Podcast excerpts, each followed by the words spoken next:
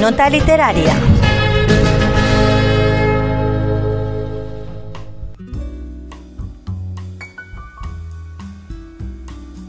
Hace dos semanas, cuando hablamos sobre Jack Kerouac, mencioné de pasada a su amigo y editor Lawrence Ferlinghetti. Lawrence cumplió el año pasado 100 años, que no son pocos, y a lo largo de ese tiempo se ha dedicado a escribir poemas, a editar libros, a encabezar y dirigir la generación Beat y dueño de la famosa librería City Light Book. La generación Beat, como ya os he explicado en otras ocasiones, estuvo encabezada por Jack Kerouac, Allen Ginsberg, Gregory Corso y por supuesto por Ferlinghetti, el último de ellos que continúa vivo y se considera una leyenda.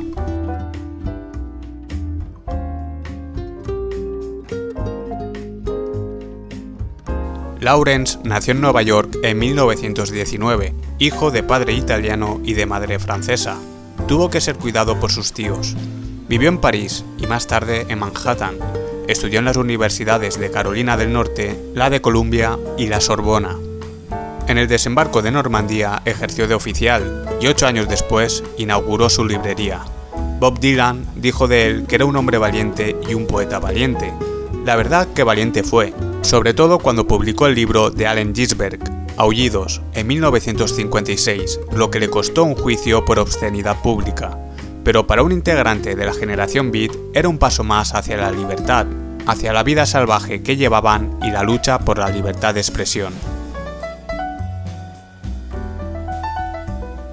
La ciudad de San Francisco lo acogió desde 1953 como su hijo predilecto, el primer poeta laureado, abriendo la lata con su poemario Imágenes de un mundo desaparecido en 1955, con la cual fundó su editorial City Light.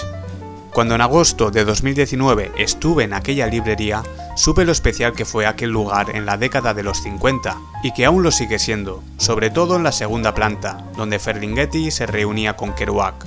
Y era especial porque fue la primera librería en abrir los fines de semana y pasada la medianoche, los libros de tapa blanda se vendían como churros. Aquello era más que una librería, era un lugar de encuentro de entusiastas por la literatura y de grandes escritores.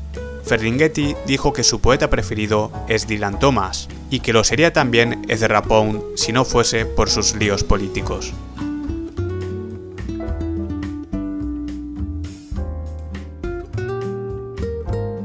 Ahora escucharemos su poema Esta noche el mar está en calma.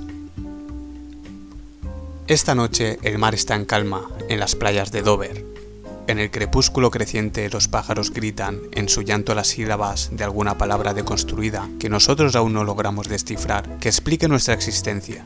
Y ellos los pájaros, elevándose, cargan en sus alas la luz última y vuelan con ella sobre el horizonte, guardando el secreto.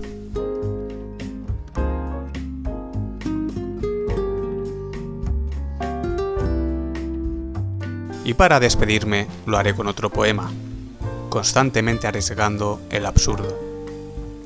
Constantemente arriesgando el absurdo y la muerte siempre que él se presenta sobre las cabezas de su audiencia.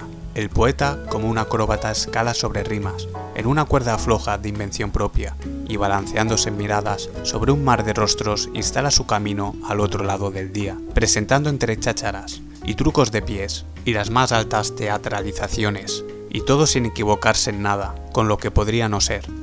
Pues él es el superrealista, que está obligado a percibir la dura verdad, antes de tomar un paso o postura en el supuesto avance hacia ese trapecio aún más elevado, donde la belleza se para y espera con gravedad, para dar su desafiante salto mortal.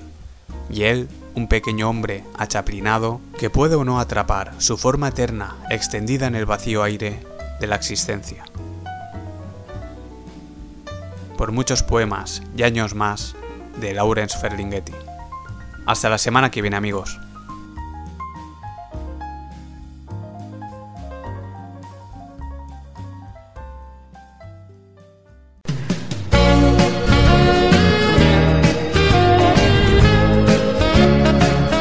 Nota literaria.